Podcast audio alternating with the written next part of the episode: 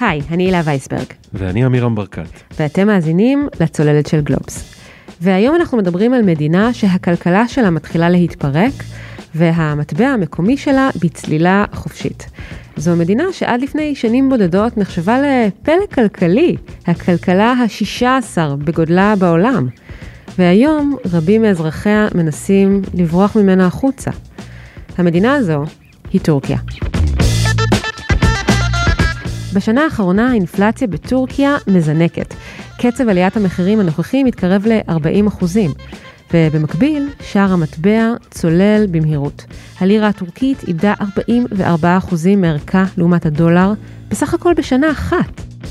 מיליוני טורקים, בני מעמד הביניים, אנשים שחיו חיים טובים, עבדו, טיילו, ירדו בבת אחת אל מתחת לקו העוני. Sabah kalkıyorum zam. זו הייתה קדרי דוגרו, תושבת איסטנבול, שסיפרה לוול סטריט ג'ורנל, לא חוויתי דבר כזה בחיים שלי. אני הולכת לישון, קמה בבוקר והמחירים קופצים.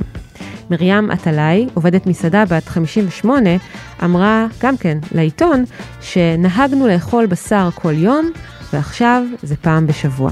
אז האינפלציה בטורקיה מתקרבת ל-40 אחוז, ורק אה, כדי שנבין עד כמה זה גבוה, בישראל אנחנו עם קצב עליית מחירים של 2.8 אחוז. יאללה. בארצות הברית יחסית גבוה, כמעט 7 אחוזים, ועדיין טורקיה נמצאת בליגה אחרת. בקצב עליית מחירים כזה, השכירים בטורקיה, ברגע שהם מוציאים את המשכורת, הם רצים להחליף אותה למטבע אחר, פשוט כי עד סוף החודש, המשכורת שלהם בלירות טורקיות תהיה שווה הרבה פחות. אז הם הולכים וקונים זהב, או ביטקוין, או כל מה שהם מצליחים לשים עליו יד.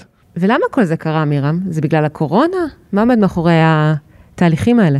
אז הקורונה הייתה רק זרז, היא בעצם נתנה רוח גבית, כשבקורונה מחירי האנרגיה, הדלק זינקו למעלה, וטורקיה שמייבאת, נאלצת לייבא את כל הדלק שלה ממדינות אחרות, כי פשוט כי אין לה אה, מחצבים משלה, אה, המחירים אצלה עלו. אבל לטורקים יש פטנט טורקי, שנקרא מדיניות הריבית של נשיא טורקיה רג'יב טייפ ארדואן.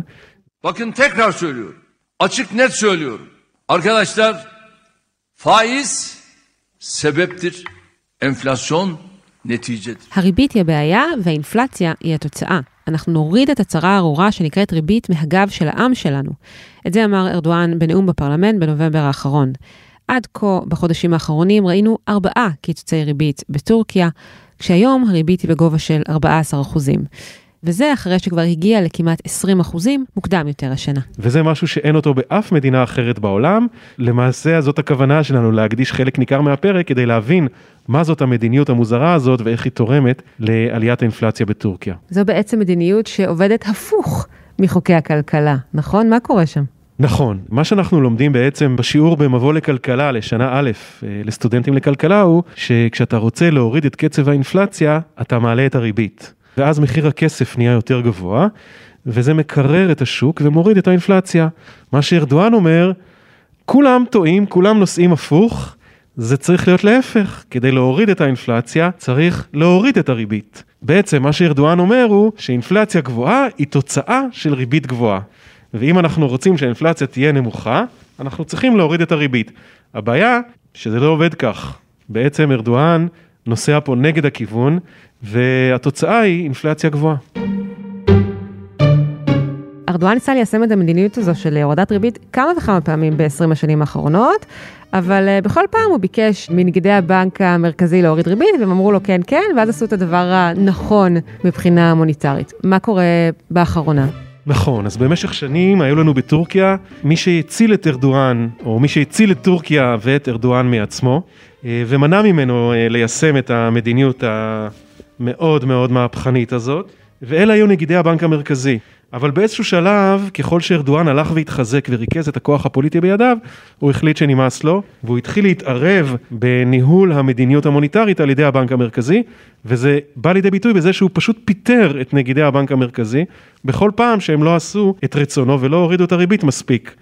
אה, זה קרה לפחות שלוש פעמים בשנים האחרונות, וכיום מי שעומד בראש הבנק המרכזי של טורקיה הוא פעיל במפלגה של ארדואן. והוא באמת מיישם את מה שארדואן רוצה שהוא יעשה ומוריד את הריבית. כן, בובה של ארדואן.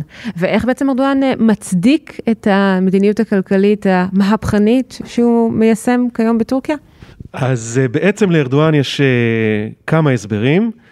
יש לו הסבר אחד שהוא דתי, הוא טוען שהאסלאם מתנגד לריבית. זה אולי נכון, ואנחנו יודעים גם שארדואן הוא מוסלמי אדוק, אבל זאת לא הסיבה האמיתית כנראה, כי זה משהו שעלה רק בתקופה האחרונה. מעבר לזה יש עוד איזשהו הסבר כלכלי שארדואן מדבר עליו, וזה שככל שהריבית תהיה נמוכה יותר, הלירה הטורקית תהיה חלשה יותר, זה יעזור ליצוא הטורקי, כי בעצם היצואנים הטורקים יקבלו תמורה גדולה יותר על הסחורות שהם אה, מוכרים, וזה בעצם יעודד את הכלכלה הטורקית להפוך להיות מין אה, מפעל אה, או בית החרושת של העולם, משהו כמו מה שסין uh, עשתה לפני כמה שנים. אז ארדואן בעצם רוצה לעזור לחברים שלו היצואנים ולעזאזל כל השאר? כן, אבל יש, יש עם זה בעיה, כי כדי לייצא, אתה צריך גם לקנות חומרי גלם, זה לא מספיק לייצר במדינה מכוניות או מקררים, אתה גם צריך לייבא למדינה את חומרי הגלם שמהם אתה מייצר את אותם מוצרים.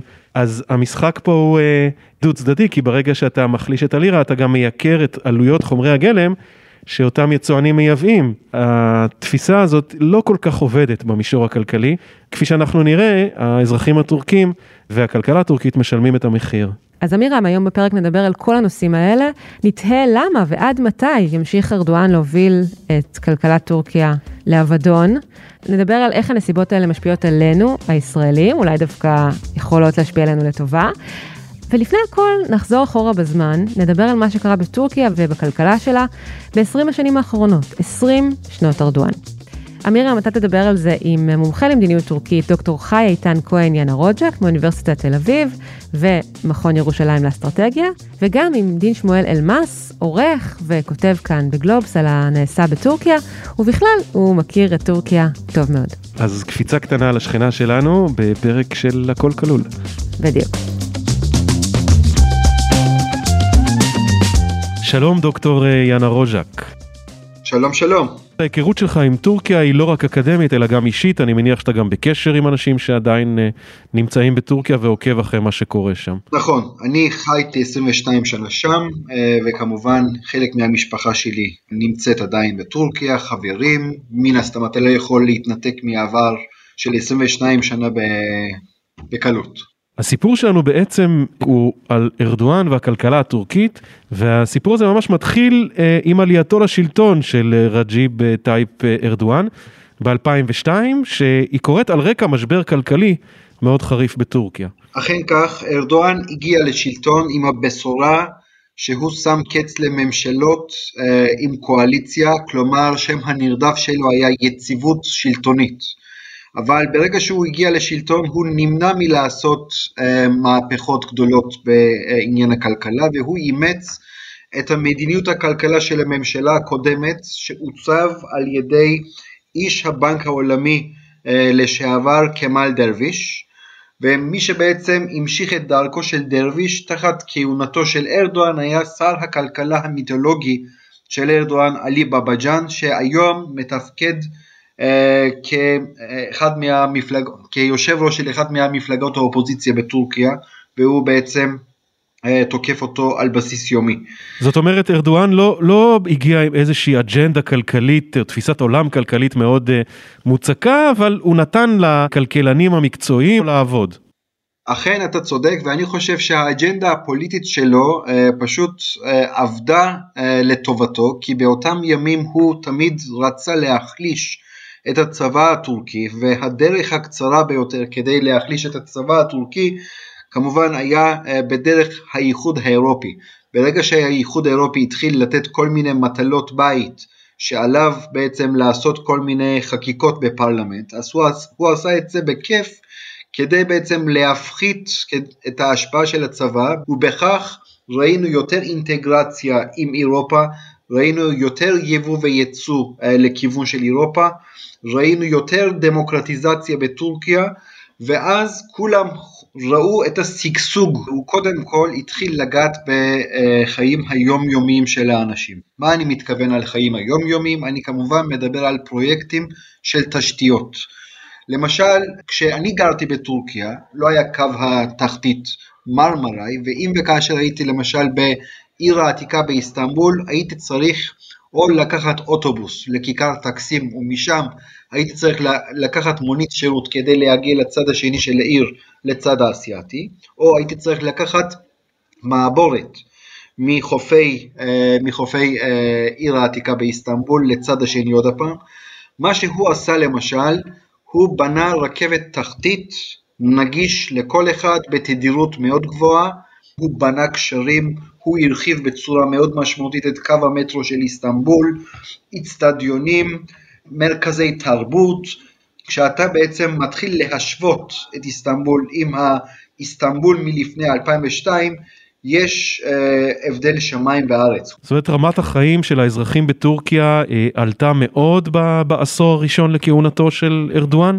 אני מסכים. ואז בעצם כשאנחנו מסתכלים על הקדנציה שלו אתה אומר בעצם אפשר לחלק אותה לשני חלקים החלק הראשון שהשגשוג הכלכלי שירת את האג'נדה הפוליטית ובאיזשהו שלב קרה משהו בעצם נוצר איזשהו פער בין האינטרס הפוליטי של ארדואן לבין הצרכים של הכלכלה באיזושהי שנה. אכן קרה מה שקרה ב-2013 מקווה שהם מאזינינו זוכרים את מהומות גזי פארק.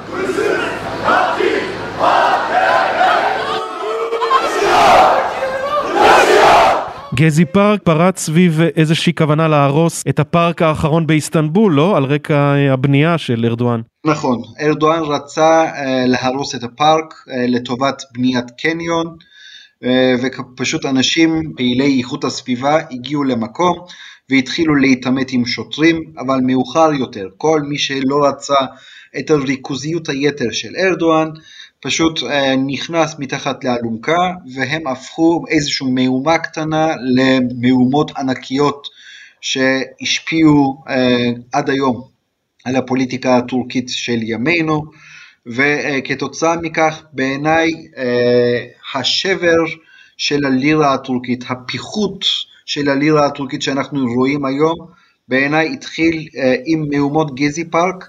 כשאנחנו מסתכלים לגרף למשל של הלירה הטורקית. כשארדואן עלה לשלטון הדולר היה שווה ל-1.5 לירות טורקיות פחות או יותר, עם מהומות גזי פארק זה קפץ לרמה של 2 לירות. כרגע ארדואן מנסה להראות לכל הקהל הבוחרים שלו שלפי הצורת החשיבה האסלאמיסטית הוא אה, פשוט לא רוצה לאמץ פה מדיניות של העלאת הריבית, אה, גם מבחינת האסלאם, אבל אני לא חושב שזה רק בגלל האסלאם. כשאנחנו מסתכלים לכלכלה הטורקית, אנחנו רואים שהתומכים העיקרים של ארדואן הם חברות בנייה. ויש הרבה רכילות מסביב לסוגיה הזאת של חברות הבנייה דורשות מארדואן את אה, הנמכת הריבית כי מזווית הראייה שלהם הם רק יכולים להמשיך לבנות ולמכור את הדירות החדשות אם וכאשר הריבית, שער הריבית יהיה פחות יותר. אז לכן כדי לרצות אותם שארדואן זקוק להם כי אנחנו רק דיברנו על המר תשתיות, נכון? על כל הקשרים האלה, שדות תעופה למיניהם, נמלים וכולי, אז הכל אפשרי הודות להשיתוף פעולה של החברות כי בחלק מהפרויקטים ארדואן פשוט דורש מהחברות ההן להיכנס מתחת לאלונקה מבלי לתת איזשהו מימון ממשלתי, אלא הוא בעצם הופך אותם אה, לבעלי מניות של אותם פרויקטים. אז בעצם האינפלציה בטורקיה מגיעה לשיאים חדשים, זה משהו שהוא קורה בשנה שנתיים האחרונות או שבטורקיה יש בעיה של אינפלציה כל הזמן? לפי, ה, לפי הסטטיסטיקות האחרונות, קודם כל, הרמת האינפלציה של טורקיה הגיעה לרמה של 36 שזה הגבוה ביותר כשאנחנו מסתכלים, בוא נגיד, שני עשורים, אוקיי? אבל זה בעצם באופן גס, כשאנחנו מסתכלים, בוא נגיד, כפריט פריט, אז אנחנו רואים שהאינפלציה למשל בתחום התחבורה זה הגיע לרמה של 53 אחוז, בתחום המזון 43 אחוז, מוצרי בית 40 אחוז, זה בעצם אומר שהלירה שה, הטורקית, הפיחות של הלירה הטורקית, זה בעצם משפיע ישירות על המחירים אה, בשוק. אה, למשל אתמול ראיתי איזושהי תמונה ואני די הזדעזעתי. אה, לפני שלוש שנים איזשהו גולש טורקי, באינטרנט אני ראיתי את זה, הלך להופעה של מטאליקה בטורקיה. והוא שילם לכרטיס אז 86 לירות טורקיות לבן אדם, אוקיי? מטאליקה, תחשוב, זה הופעה. היום הוא גם מבקר באיזשהו סופר, הוא קונה לעצמו גבינה בולגרית. קופסה, קופסה אחת של גבינה בולגרית קילו, זה שווה ל-89 לירות טורקיות היום. אז הוא אומר, לפני שלוש שנים יכולתי למשל לקנות שלוש-ארבע קופסאות מסוג זה עם אותו הכסף, היום עם הכסף שאז שילמתי כדי ללכת להופעה של מטאליקה, אני לא יכול לקנות קופסה אחת של קילו גבינה בולגרית, הוא אמר. זה מזעזע, זה אומר שכשאתה בעצם מסתכל למכולת אה, רגילה מול הקיוסקים, במכולת אין תור, בקיוסקים של לחם מסובסד יש תור, וזה בעצם, זה מאוד, בוא נגיד, נוגע לי בלב לראות את האנשים שהם נאלצים לעמוד בתור כדי לשלם חצי לירה פחות. זה בעצם קטסטרופלי דבר הזה. מי שבעצם נפגע יותר זה בעצם אלה ששכבות החלשות של האוכלוסייה, אה, מעמד הביניים, מי שבעצם מתעסק בייצוא אז הוא חוגג, למה? כי הוא, הוא משלם למשל משכורת לעובדים שלו בלירות טורקיות, אבל הוא בעצם משווק את אותו המוצר לשווקים בחו"ל, והוא בעצם מוכר את זה אה, במטבע חוץ, כלומר או בדולר או ביורו, אז הוא בעצם הופך להיות הרבה יותר עשיר, אבל לעומת זאת למשל היבואנים הם, הם אה, בין הבוכים אה, בכל הסיפור הזה, כי הם בעצם קונים בדולרים וביורו, והם כשהם מתרגמים את הסכומים האלה ללירות טורקיות, אז אנשים פשוט לא יכולים להרשות לעצמם כבר לקנות את אותם מוצרים. בואו נדבר רק אה, על ההשפעה הפוליטית של המצב הנוכחי. אנחנו יודעים שארדואן כמובן לא לוקח אחריות על התוצאות של המהלכים האלה ומנסה להאשים כל מיני גורמים עלומים. אה, יש אה, שיאמרו אפילו שגם היהודים פה במשחק. אבל השאלה איך לדעתך העם הטורקי רואה את האשמים במצב, והאם לדעתך ארדואן צפוי לשלם מחיר פוליטי על אה, המצב הנוכחי בטורקיה. אוקיי, okay, אז אה, חשוב מאוד לציין שארדואן אכן, כפי שאמרת, מאשים את ה... אה, בוא נגיד כל מיני שחקניות החיצוניות, מבלי לתת שם, הוא אומר שלטורקיה יש יריבים בחו"ל, והיריבים אלה שלא רוצים לראות טורקיה חזקה, אז הם בעצם עושים מהלכים על מנת אה, להחליש את המדינה הטורקית, והוא אומר שיש פה מתקפה כלכלית. אה, ומאחורי הקלעים הוא המציא איזשהו מונח בשם השדולה של הריבית. אף אחד לא יודע מי הם השדולה של הריבית, אבל אה, המבין מבין. עוד פעם, כשאנחנו מסתכלים ברשתות החברתיות, אנחנו רואים שאלה שמצייצים ישירות מאשימים את היהודים מהמצב הנוכחי והם חושבים שבחדרי חדרים היהודים עשירים אה, בעצם לוחצים על הכפתור ומנסים אה, להעניש את טורקיה. האם ארדואן יושפע מהמצב הקיים? במדינה מתוקנת, כן, ניתן לראות שבסקרים אה, שאנחנו רואים לקראת 2023, יש לנו פה אה, בחירות לנשיאות וגם לבחירות לפרלמנט, זה אותו היום, ב-2023, נכון להיום הוא ובעלי אה, בריתו הם כבר לא נהנים מהרוב, ואם וכאשר הכל ילך לפי המגמה הנוכחית, אין שום סיבה שהם יוכלו לנצח. אבל בניגוד לקודמיו, ארדואן כבר הפך למדינה עצמה. כלומר, הוא הרכיב למען עצמו סוג של משמרות למהפכה בנוסח איראן. אה, יש, הוא, הוא כבר הקים אה, כמה גדודים אה, בשם כוחות התגבורות בשפה הטורקית תקוויה, הוא הקים עבור עצמו שומרי השכונות בשפה הטורקית בקצ'י. עוד פעם, אם וכאשר יהיה פה איזשהו ניסיון ההפיכה במרכאות, אזי הגופים האלה כבר אה, אה, יתפקדו ככלב השמירה של אה, ארדואן ברחובות. אז אם וכאשר הוא יובס בקלפי, מה יקרה? הוא עלול לבקש בחירות חוזרות כפי שהוא עשה באיסטנבול, ב-2018 היו בחירות לרשויות המקומיות, הוא הובס, ביקש בחירות חוזרות ואמר שהיה פה איזושהי הונאה בספירת הקולות, ולאחר מכן הובס בצורה עוד יותר דרמטית, ואז נאלץ להתקפל. אבל לעזוב את הכיסא של ראש העיר איסטנבול זה הרבה יותר קל מאשר לעזוב את הכיסא של נשיא טורקיה. אם וכאשר הוא, י... הוא ייאלץ לעזוב את הכיסא של נשיא טורקיה, אזי אני לא חושב שהוא יוכל לצאת לפנסיה ויתחיל לדוג בחופי הים האגאי במערב טורקיה וייצא לפנסיה. אני חושב שהיריבים הפוליטיים שלו שנמצאים כיום יתחילו uh, לרדוף אחריו. אז לכן מזווית הראייה שלו זה עניין של הישרדות פוליטית. אז uh, שורה תחתונה, אני מהמחמירים, לצערי הרב אני לא יכול להיות אופטימי בתמונה כזאת, אני לא חושב שניתן להביס את ארדואן בקלפי עם המצב הנוכחי, אבל זה המצב כרגע, אני חושב שהוא ימשיך את התפקיד שלו, אה, ואיך איך, איך הוא יוכל להמשיך. בואו נדבר אם תרצה על הנקודה הזאת.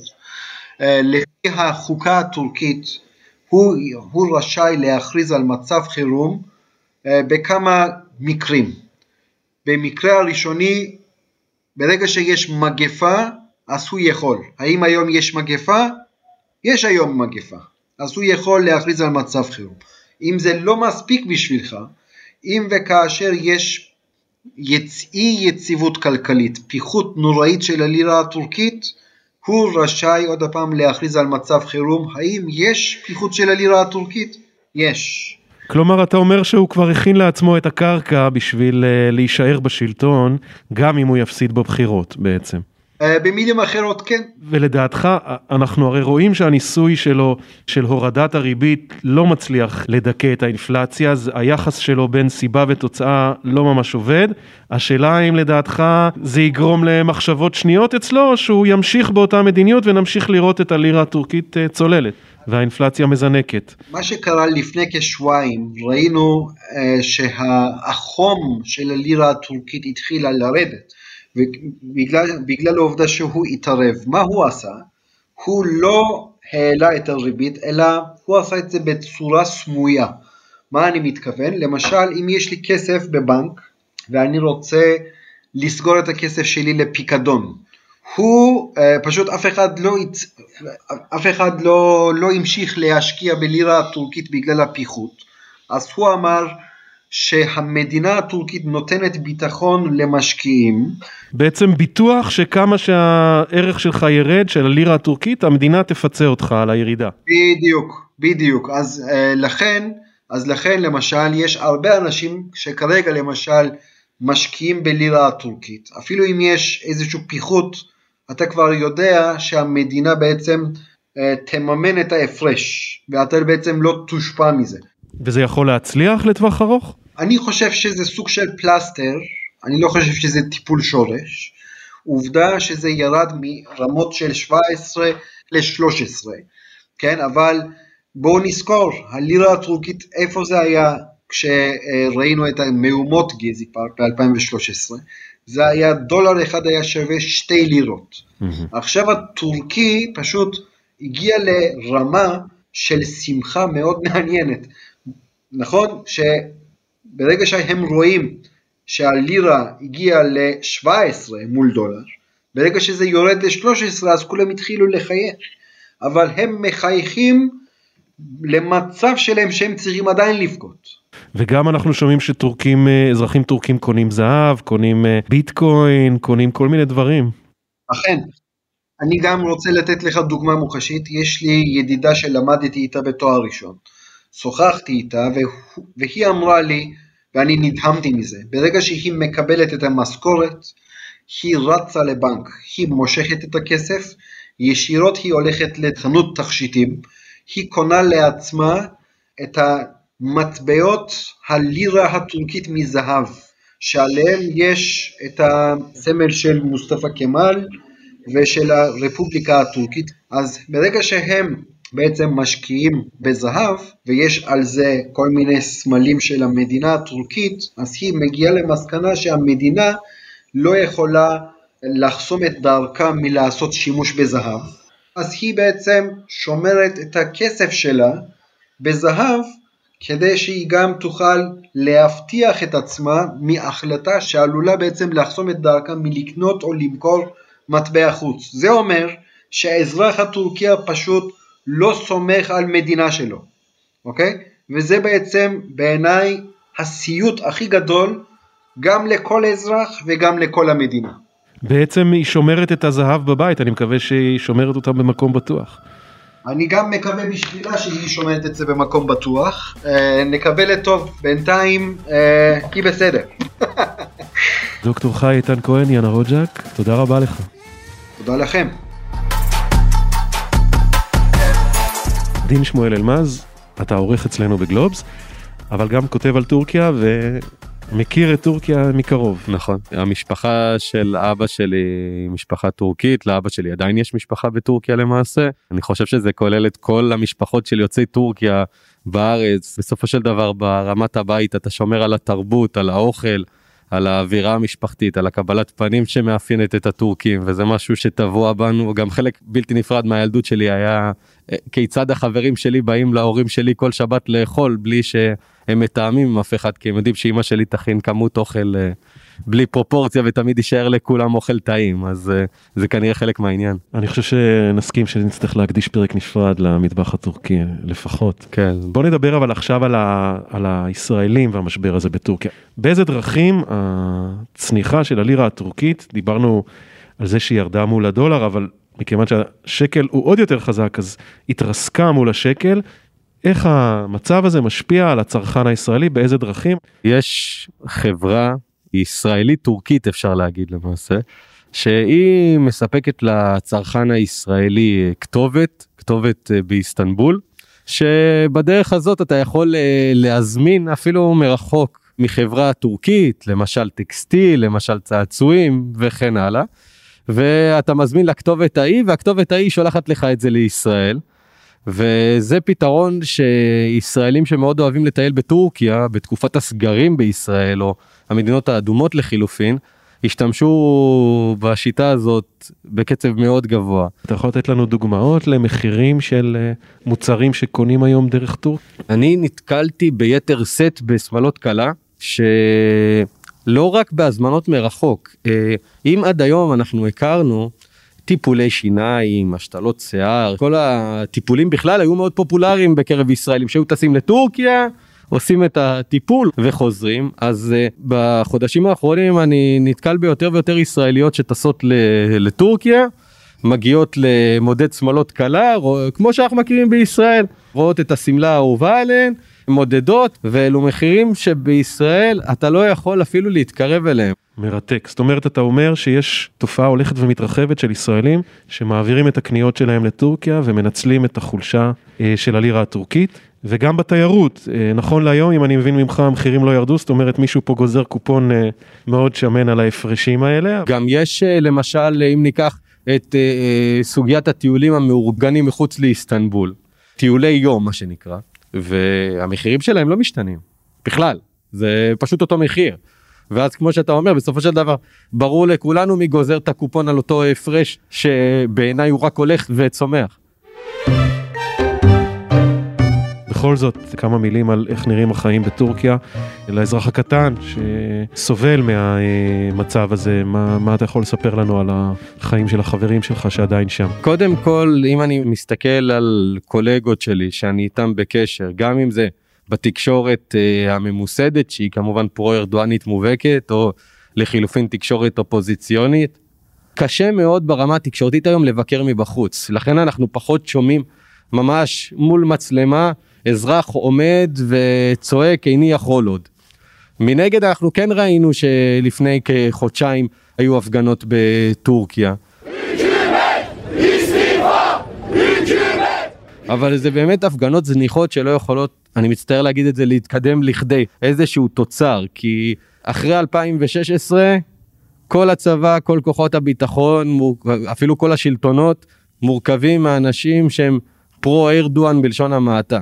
ברור, אבל חיי היום יום של האזרח הטורקי, כמה הם הפכו להיות קשים בשנה האחרונה? אני, כדי לחוש, נקרא לזה, את הרחוב הטורקי, אני באמת משוטט יותר בטוויטר וברשתות חברתיות, כי זה הכלי היחיד שיש לזה, ורואים שם סיפורים מזעזעים, כמו נשים שמתקשות אה, לרכוש ערכות היגיינה חודשיות, אנשים שבאמת אה, מתקשים לקנות פירות, ירקות, לחם, ו, וחשוב לציין, טורקיה היא מדינה שברמת האדמה שלה, החקלאות שלה, הכל, זו מדינה שהיא יכולה לייצר לעצמה הכל.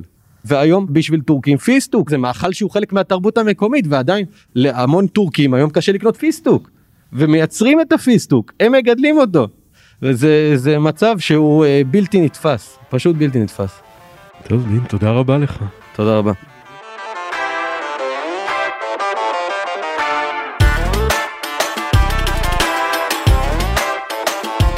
עד כאן עוד פרק של הצוללת. אתם יכולים למצוא אותנו באתר גלובס, בספוטיפיי או בכל אפליקציית פודקאסטים, ואם אהבתם את הפרק נשמח אם תשלחו אותו לחברה או חבר שעוד לא שמעו עלינו. ניר לייסט הוא עורך הסאונד והילה וייסברג היא עורכת הפודקאסטים של גלובס. אני עמירם ברקת, נתראה בפעם הבאה. להתראות.